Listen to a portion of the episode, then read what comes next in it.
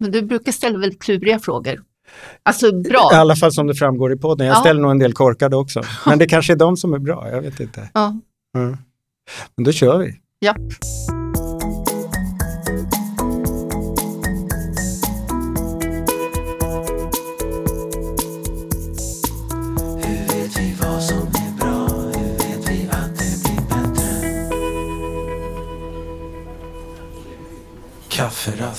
I Kunskapsfabriken. Välkommen till kafferast i Kunskapsfabriken Cecilia Ingard. Tackar. Vad roligt att ha dig här. Ja, det är nära att få vara här. Och varför har jag bjudit in dig? Jo, men det var så här. Jag trodde ju att jag kände dig. Eh, för att vi har jobbat ihop i olika sammanhang. Eh, första kontakten jag hade med dig var när du jobbade på regionförbundet var det, va? i Uppsala län. Precis. Ehm, Det var innan landstinget blev en region och allt plötsligt hänger ihop. Ehm, och då höll på med brukarrevisionsutbildningar och lite sånt där. Och sen så visade det sig att du också var aktiv i Attention, en av NSPOs medlemsförbund. Eh, och så trodde jag att jag kände dig. Ehm, och sen så var du med på vår konferens i höstas som handlade om återhämtning. Och då insåg jag att jag kände nog inte riktigt dig så bra som jag trodde. Och det var oerhört inspirerande skulle jag säga. För att eh, det du berättade om där, om det, din resa eller vad man ska säga, var, tycker jag, väldigt mycket kunskapsperspektiv på det. Och lärande kanske. Mm. Det tog ju väldigt många år att lära sig. Ja, Eh, från 2001 och nu är det 2021. Ja just det. Men 2001, då var du ändå inte purung, då, du var vuxen då. Precis, jag var ju 41 år. Mm. Vad var det som hände då? Eller insåg du något då eller hände något då? Ehm, ja, nej men, eh, jag var småbarnsförälder och flyttade från Stockholm till Uppsala, eller Mm. utanför Uppsala. Och ehm, vart liksom, eh, ingick inte något sammanhang helt plötsligt. De här gamla gäng försvann jag flyttade till Uppsala. Eh, och dessutom så gjorde en abort som jag inte kunde handskas med känslorna efteråt. Mm. Jag fick panik och eh, eh, gjorde ett självmordsförsök och hamnade på slutenvården och där hittade jag ett sammanhang som var väldigt destruktivt med andra självskadepatienter. Så att, eh, Mm. eh, jag sökte efter ett sammanhang som jag fann där. Som inte ledde vidare någonstans utan in i sig själv bara. Det Mm. ledde till en djupare, liksom, som en negativ spiral. Förut hade Mm. jag haft ett sammanhang i idrotten när jag hade tävlat i löpning.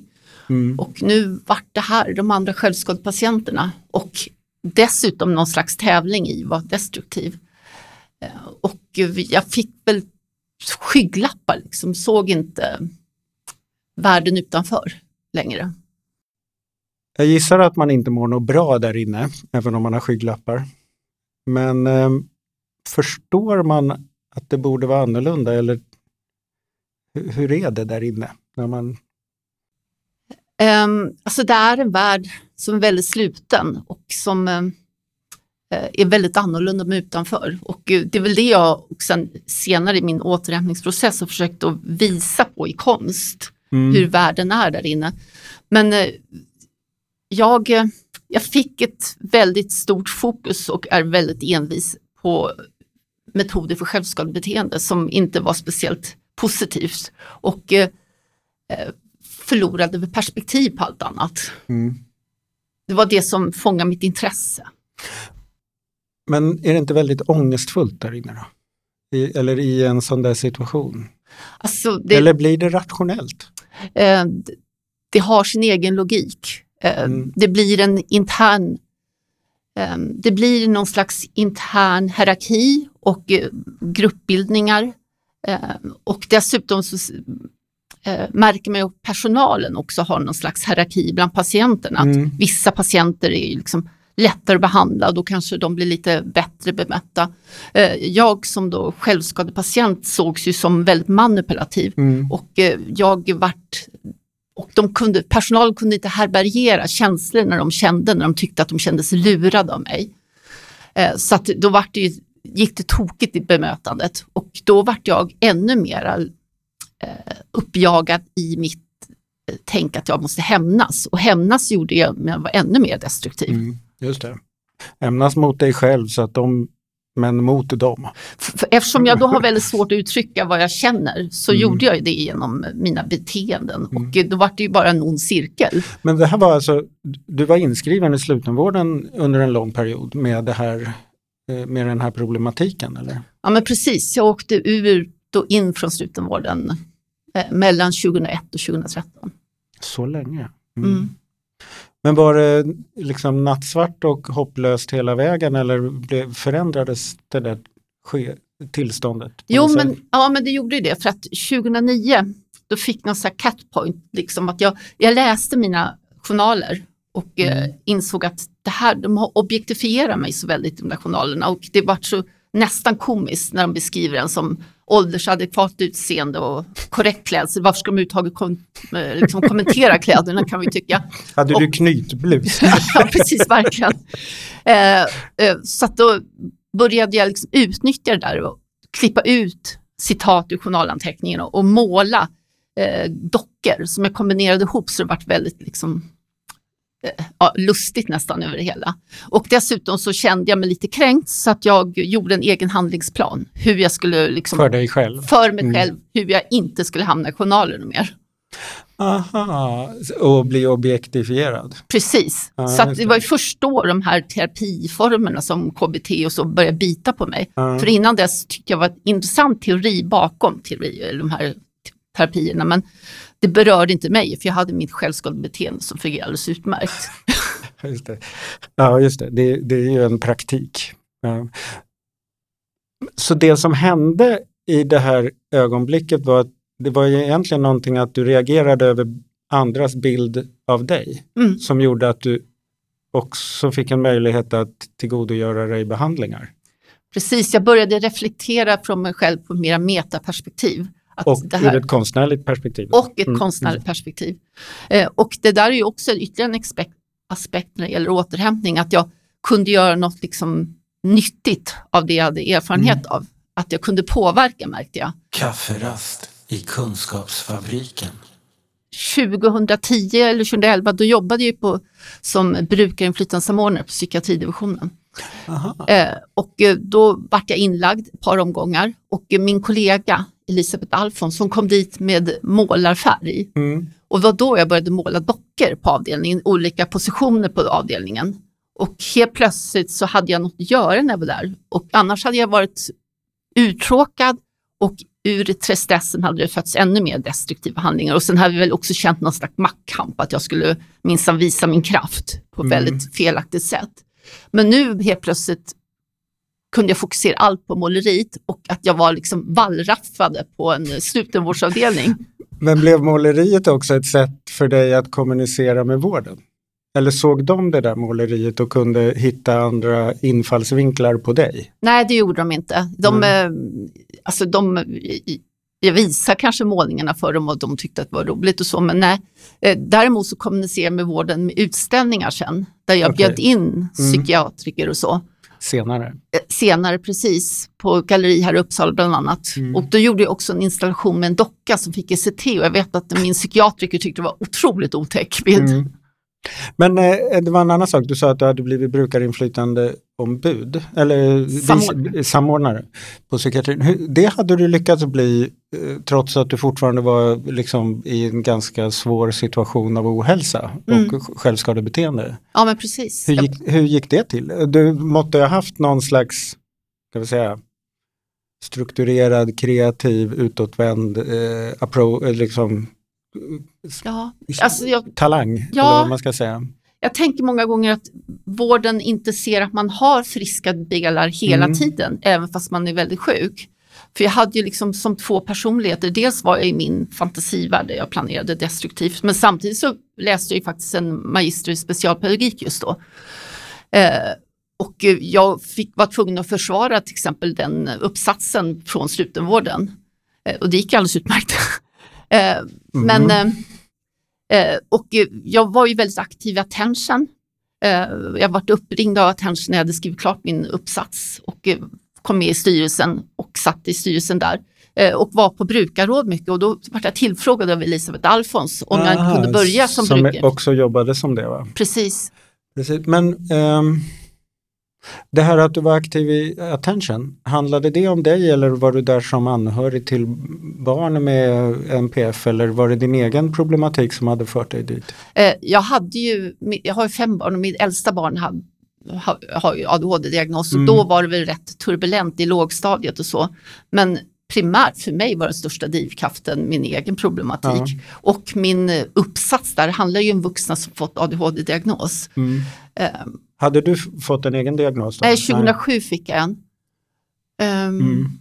Så att, ja, nej, men, eh, det handlade nog mest om att jag själv vill, hade en enorm drivkraft att jag ville förändra psykiatrin. Och eh, speciellt, jag blir speciellt liksom går igång på makt och bemötande. Mm. Bemötandet är väl liksom maktuttryckets arena på Ja. något sätt. Ja. Och väldigt intrikat ibland. Ja. Mm. Det var ju till och med så att jag, jag älskar ju också vetenskap och forskning. Så Mm. att, eh, eh, det var ju till och med så att jag började läsa massor med psykiatrikurser och kurslitteraturen i psykiatri för läkare. För att liksom kunna använda mig av deras språk för att Mm. utjämna makten. Ganska ambitiöst får man väl säga. Ja, och det landade ju lite sådär ibland då när man liksom Mm. mötte någon läkare och sa, nej men jag tycker nog att du ska se på axel 3 i diagnossystemet för att du har missat den. Man blir inte bara bättre kompis med läkare då. Men det är roligt.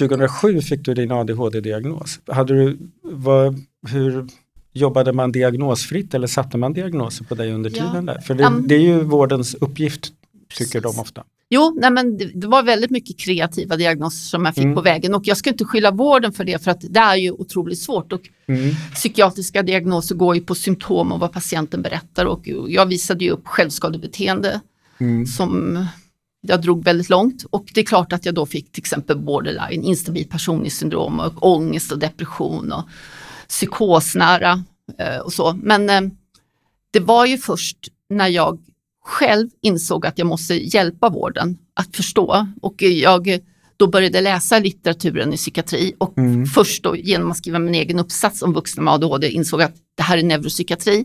Så fick jag ju en ADHD-diagnos väldigt snabbt, svår ADHD till och med. Eh, och sen men kände att det här är inte tillräckligt så jag fortsatte läsa psykiatrilitteratur och då insåg att det är autism. Det är där du Ah, skon klämmer. Och det var väldigt svårt att få vården, men jag förstår att de inte förstod det för att tjejer med autism visar ju inte samma tendenser som killar. Nej. Och eh, läkaren sa, ja men jag kan ju titta dig i ögonen och prata med dig så du kan inte ha Du Asperger. stämmer inte med min Nej. föreställning om sådana som du. Nej, verkligen Mm. inte.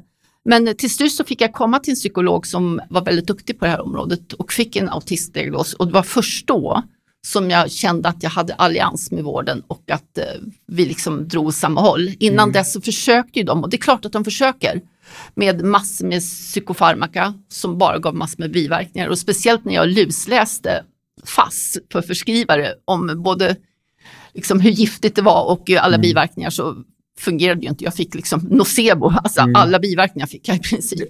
Ja, ja, som på beställning. Precis, Mm. så att eh, först då när man insåg att det var autism eller Asperger och att inga mediciner hjälper utan det är strategier som hjälper. Just det.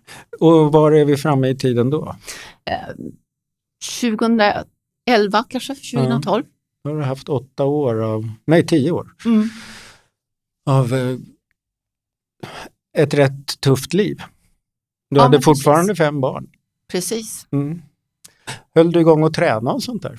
Ja, det var ju, alltså, jag har ju varit en träningsnörd och eh, det var väldigt svårt att träna bitvis med den här psykofarmakan. Mm. Speciellt neuroleptika som gjorde att man var väldigt stel.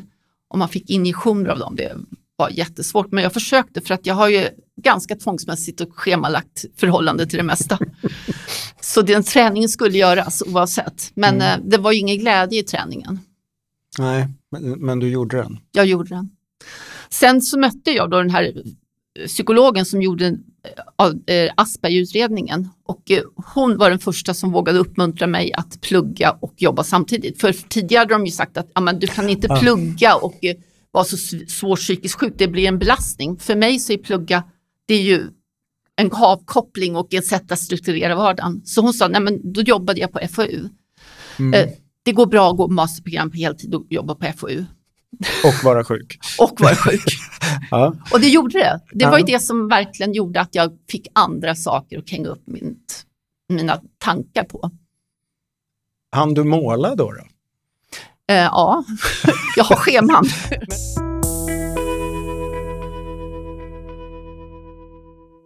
det, det är många personer med autism som är konstnärliga. Mm. Eh, och eh, jag har ju märkt att för mig i måleriet är det enda sättet att uttrycka känslor. Jag kan verkligen inte mordberätta hur jag känner på något sätt, men i måleriet bara blir det så. Så att under min tid när jag mått dåligt så har jag målat, jag målar mest människor Mm. som har så, mått väldigt dåligt Ja, utan just att jag har tänkt på det aktivt, utan det är på något vis som att högra hjärnhalvan tar över där. Och det är det det blir då. Då blir det så. Nu helt plötsligt så målar jag nästan bara lyckliga människor i naturen. Vad härligt. Och det är ju inte så att jag gör det eh, aktivt val, utan det bara blir så. Utan, Så det är en själsspegel.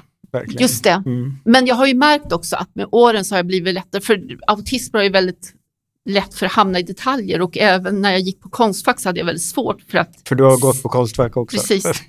Jag har bara pluggat hela mitt liv. Idrottshögskolan också. Ja, det. Men eh, då såg jag bara delar så jag fick aldrig ihop det till en helhet måleriet. Jag har blivit otroligt mycket bättre på det än på äldre dagar när jag också fått förståelse för autism och hur hjärnan fungerar som jag tycker att det är väldigt intressant. Så du såg eh, dina egna målningar i bitar? Precis, jag som kunde stå mera? Ja. ja just det. måla på en fot eller hand så att den var perfekt men så passade det inte med resten i Mm. målningen. Men nu helt plötsligt så har jag lärt mig en teknik när jag målar hela målningen samtidigt att jag Mm. använder hela Komponera den. Precis, och det märker jag också i forskningen, jag är ju doktorand, och att jag har helt plötsligt mycket lättare för att se ett övergripande perspektiv. Jag har aldrig haft tidigare när jag pluggat.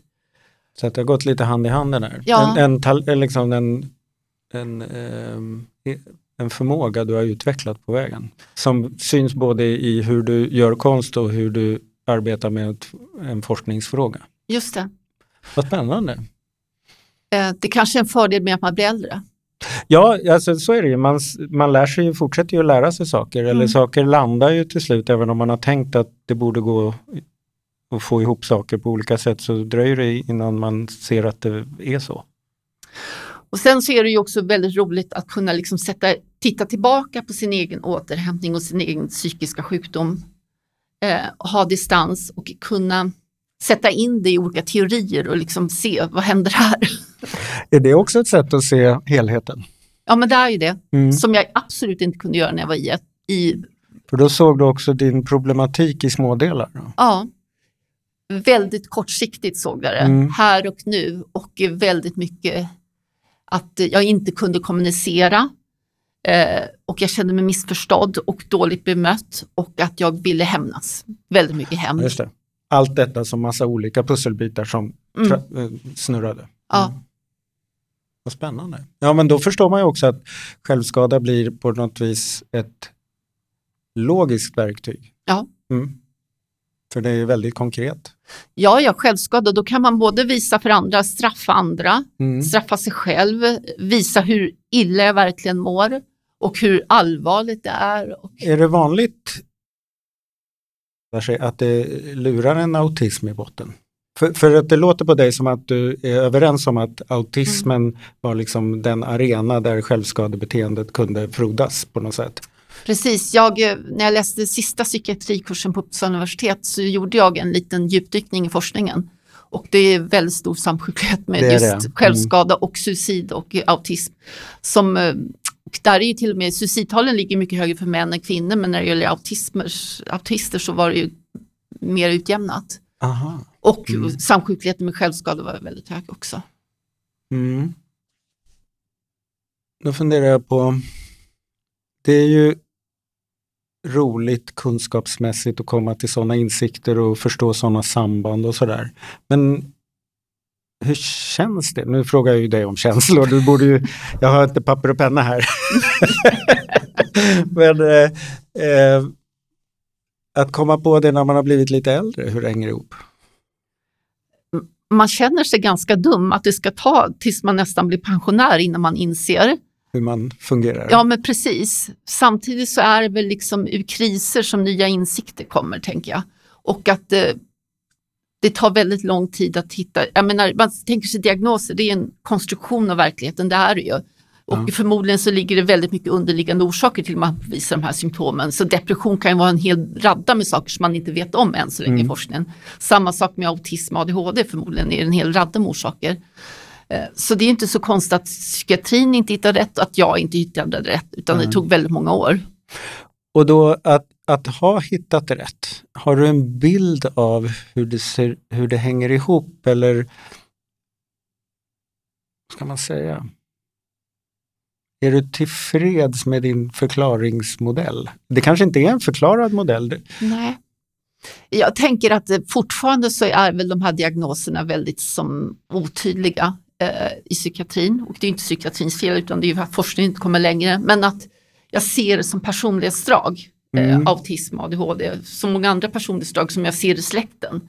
Och att jag, eh, eh, det är bättre att jag, jag känner inte lika hö- längre så höga krav på att jag måste hänga med grannarna och mingla på nyår, utan att det är helt okej att jag eh, ligger och läser vetenskapliga studier på nyårsafton. Mm. Eh, och det, den stressen har faktiskt sjunkit och det är så skönt. Att slippa, tonåren så ligger i, tonårslivet till exempel, ge, ligger i att man ska vara ute och hänga med Alla andra. alla Mm. andra och, Och dansa och komma nära folk och Mm. Mm. sånt som man absolut kanske inte gillar med autistiska Mm. drag. Och det är så skönt att slippa det. Det är så Mm. skönt att kunna ägna sig åt det man är intresserad av. Ja, det är verkligen en fördel med att bli äldre. Ja. Att, att man inser att skiter väl jag i vad man borde göra, jag gör väl vad jag tycker att jag vill göra. Ja. Det är definitivt en, en åldersfråga. Ehm, du förefaller också vara bekymmersfri. Nej, alltså så som jag känner dig, att, att du förstås förstår att saker kan göras bättre och sådär, men att du, du, verk, du, du utstrålar att du är tillfreds på något vis, eller trygg med att det finns omständigheter och hur omständigheterna ser ut. Ja, nej, men jag är ju inte sån, dels så kommer jag inte ihåg så mycket från barndomen. så att jag, jag har inte någon det är ett psyko- bra knep. Precis, jag har ingen psykodynamisk approach. Jag, Mm. Och jag är inte missnöjd med någonting i barndomen eh, som jag kan skylla på. Mm. Eh, och dessutom så kan jag ju liksom tacka de här neuropsykiatriska kanske diagnoserna eller dragen, att jag är väldigt mycket här och nu. Mm. Eh, så att jag, och nu sysslar jag med det som jag tycker är fantastiskt roligt, forskning Mm. om delaktighet och makt. Mm. Och dessutom så kan jag ju träna när som helst på dagen. I coronatider sitter man ju hemma på sin kammare. Och dessutom slänga in lite måleri. Så att jag får aldrig långtåget under dagen och jag är väldigt mycket här och nu. Mm. Men däremot nackdelen med det är ju att jag har ju noll ko- koll på liksom vad som händer framåt. Så jag är helt beroende av en almanacka för att titta. Oj, Ah, imorgon det. så ska jag vara i Stockholm. Det hade jag ingen Mm. aning om. Den här dagen är fantastisk, men, men undrar var jag ska vara imorgon. Precis, Okej, mm. men det finns det ju kalendrar för som sagt. det gör det. Det är inte krångligare än så. Och ja, men, psykiatrin försöker hela tiden att införa mindfulness. Och jag känner att det är väl en talang som jag har då, att jag är rätt mindfulness hela tiden. Ja, just det. Det, behöv, det är bortkastad energi på dig för det, det har du redan. Du har skapat det. Ja, Mm. och i det här neuropsykiatriska kan man ju hyper, superfokusera också. Mm. Eh, Och är man intresserad av något så kan man ju verkligen göra det. Å andra sidan kan man inte fokusera alls om det är tråkigt. Nej, just det. Men eh, forskar det- man då så är- gottar man ner sig i ett ämne som man är intresserad av. Vi pratade lite här innan att diagnos är ju något som någon annan sätter på en utifrån vad, hur de upplever att man är utifrån deras förståelse av världen. Eller i det här fallet vårdens då. Men att det sen handlar om att liksom, för, liksom skapa den där diagnosen för sig själv eller vad man ska säga. Eller hur, hur, vad tycker du att, nu har ju du fått lite olika diagnoser. Precis. Jag tänker att diagnoser är väldigt svårt för vården att sätta och det hänger väldigt mycket på vad patienten Mm. förmedlar. Och det är inte säkert att patienten har någon bra självinsikt. Man kanske är ny, precis Mm. insjuknat eller så. Så egen- man inte har ord för det, man kan inte formulera det, det hamnar fel. Så jag tänker att den här metoden delat beslutsfattande är ju helt suveränt egentligen om man tänker rent teoretiskt för att sätta en diagnos. Att patienten tillsammans med personalen borde sätta en diagnos. Hur känns det här när vi skriver de här diagnoserna? Hur känns det? Hur liksom Känner du dig hemma i, Känner- känner du igen dig? känner man igen sig? Ja, just det. Ja, men det där är ju lustigt för att det där krävs ju inte särskilt mycket för att vården ska liksom kunna anamma det. Och istället, alltså vi pratar ofta med människor i vården om det där att det finns en slags självbild i vårdapparaten om att nu är det ju vi som ska kunna saker här och säga saker till dig att så här är det. Um, och, vi, och det gör ju både att man som vård kanske blir nervös och tänker att jag måste sätta en diagnos så att det verkar som att jag har förstått någonting. Men det gör, det gör ju också att det blir mycket svårare att skapa den där delaktigheten. Eh, istället för att som du säger, okej men vi, vi ska försöka komma på var, hur vi ska beskriva din problematik. Och så testar vi lite olika saker. Och ser. Eh, det låter ju mer som ett gemensamt utredningsarbete än ett diagnossättande då. Mm. Jo men det, jag tänker att det är otroligt svårt arbete för vården Mm. att sätta en diagnos. Och jag menar, det kan ju sluta med att det är en infektion i kroppen någonstans. Mm. Att det är något helt somatiskt. Så att, Mm. Och när det patienten har riktigt kan beskriva det och i vården inte hittar rätt bland sina liksom, mallar Mm. så är det ju ett gemensamt detektivarbete. Just det. Var, fick, fick du göra ett gemensamt detektivarbete med den här psykologen som du fick? Ja men det tycker jag. Mm. Hon var väldigt duktig men jag kom ju till henne för att hon var inne på neuropsykiatriska och det var ju utifrån psykiatrilitteraturen som tänkte att det här är mitt i prick. Ja just det, och det, det tyder ju också på att du hade ju skapat dig, skaffat dig en slags kompetens på området och en vilja att eh, även blanda in dig själv i den kompetensen. Inte, det var inte bara en kunskap om diagnoser utan indirekt var det ju en kunskap där du skulle kunna sätta in dig själv. Precis, men jag tänker att eh, alla, jag förstår att alla inte är tokintresserade av forskning när det gäller psykiatri. Eh, Men eh, jag tänker att alla människor som ska åter, göra en återhämtningsresa in från psykisk ohälsa Mm. måste ju ändå komma till någon slags insikt att det är de som, på dem det ligger, Ja. jobbet, de måste göra väldigt mycket själva. Att vården kan stötta och ha massor med verktyg men det är personen själv som känner sig själv bäst och Mm. ska leva med sig själv. Man visar upp en så kort del av sig själv eller bit av sig själv i vården. Mm. Eh, Resten är ju livet och möjligtvis att kommunen kommer in lite där också men Just det.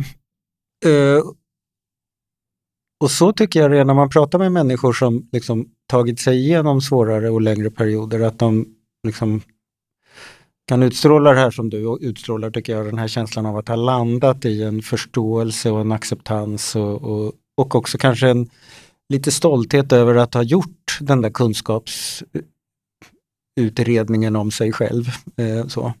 Men, men när man pratar med enskilda vårdmänniskor så förstår ju de det där också, att det är det där det handlar om. Men det är jättesällan det är det som efterfrågas av dem i vården tänker jag. Och de har ganska svårt, eftersom du säger det är en ganska liten stund de får träffa en, så att de har ju ganska små möjligheter att följa hela din resa. Mm. Ehm, det kanske en psykolog har ett lite annan möjlighet om man träffas under en mer längre och regelbundet och sådär. Men vården, vården som den är gjord är ju inte riktigt skapt för psykiatri, känns det som. nej, nej det, alltså psykiatri är ju så otroligt spännande. Att det vilar på en biopsykosocial modell, att man måste ta in samhället Mm. och, på olika nivåer. Hela tillvaron. Ja, Ja. det är ju så spännande och där är väl återigen de här liksom suprören. Att eh, psykiatrin, man visar upp det absolut sämsta för psykiatrin. Men sen måste man ju hjälpa, hela livet ska ju fungera och då är det ju kommunen, socialpsykiatrin Mm. och eh, samverkan kanske som är lite bristfällig många gånger. Eller många har ju inte ens kontakt med kommunen. Nej. Och det här med arbete och sysselsättning som är hur viktigt som helst. Att man Mm. ska känna att man är behövd. Eh, Att man liksom eh, jämnar ut makten med att man själv kan bidra med något och inte bara en mo- Ja, det. mottagare. Men inte bara bidra, inte bara känna att jag har en sysselsättning utan att jag kan bidra med något i den där kunskapsalstringen som Ja. jag och vården ska göra. Absolut. Mm. Att jag inte, där inte bara är ett objekt. Mm.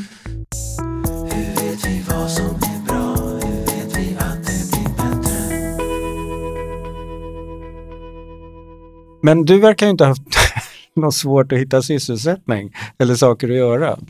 Med allt din iver att plugga och kasta dig in i kunskapsområden och dessutom träna och måla och sådär. Du verkar inte ha suttit handfallen. Nej, jag har ju aldrig varit passiviserad eller så, utan jag har ju haft mycket energi hela tiden. Så att Mm. även om jag fått på pappret depressionsdiagnoser så har jag nog aldrig varit deprimerad.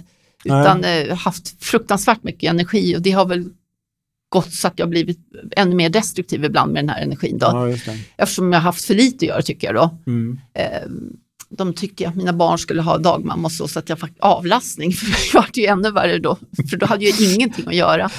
Men sen jag har ju fått arbetsmarknadsåtgärder eh, Mm. av kommunen och det var ju till exempel att jag skulle sitta och sticka disktrasor, vilket var ganska meningslöst. Mm. Men det var en fantastisk människa där på eh, jobbcenter som eh, ändå förstod det här med det här personliga mötet som bjöd mig på lunch på stan och så. Så jag kände mig väldigt sedd av henne. Ja. Men hon kunde inte fixa något jobb. Men sen fick jag, fixade jag själv så att jag kunde börja arbetsträna som lärare.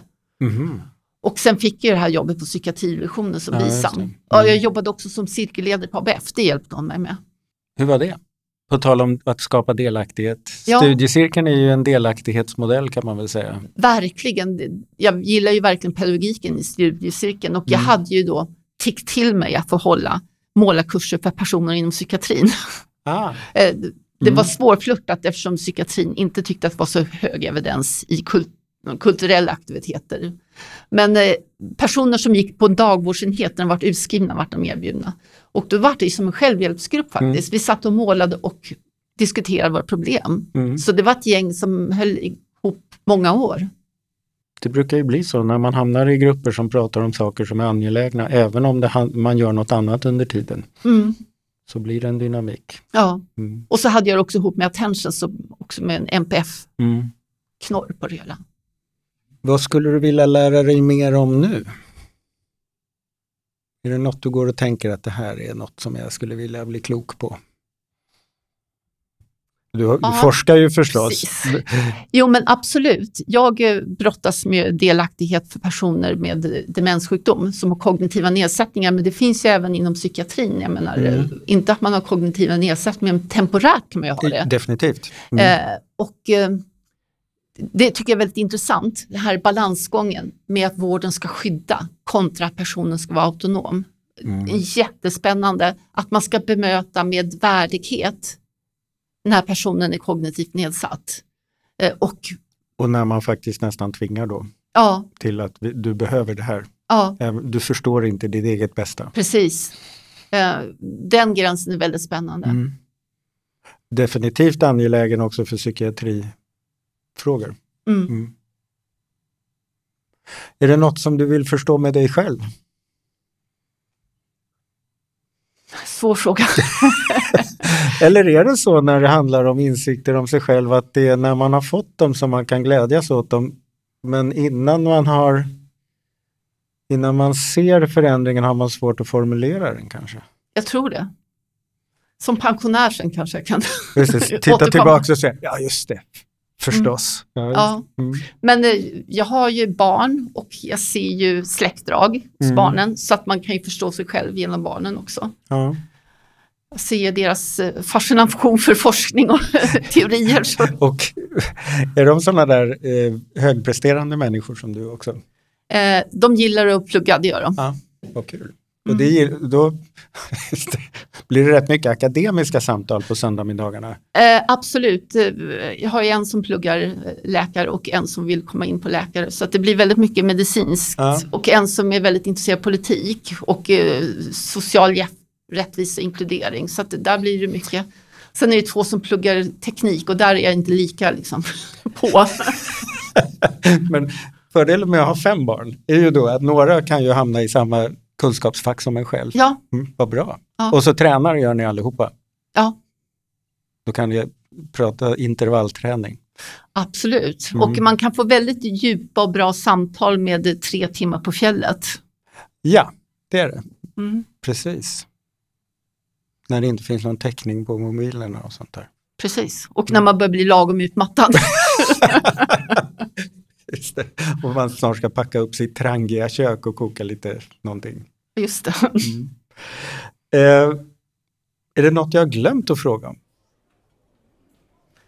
Nej, jag, jag, om man tänker ur ett återhämtningsperspektiv så tycker jag ändå att det här med att eh, brukarinflytande och jobba för patienternas rätt, liksom, upprättelse och mm, rättigheter. Och, eh, det är en väldigt bra sätt att återhämta sig. Att jobba för andra. Just det.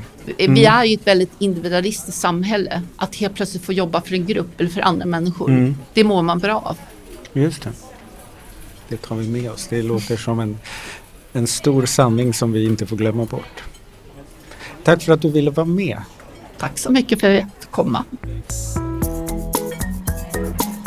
Den här podden görs av NSPH, Nationell samverkan för psykisk hälsa. Läs mer på vår hemsida www.nsph.se eller följ oss på Facebook. Kafferast i Kunskapsfabriken.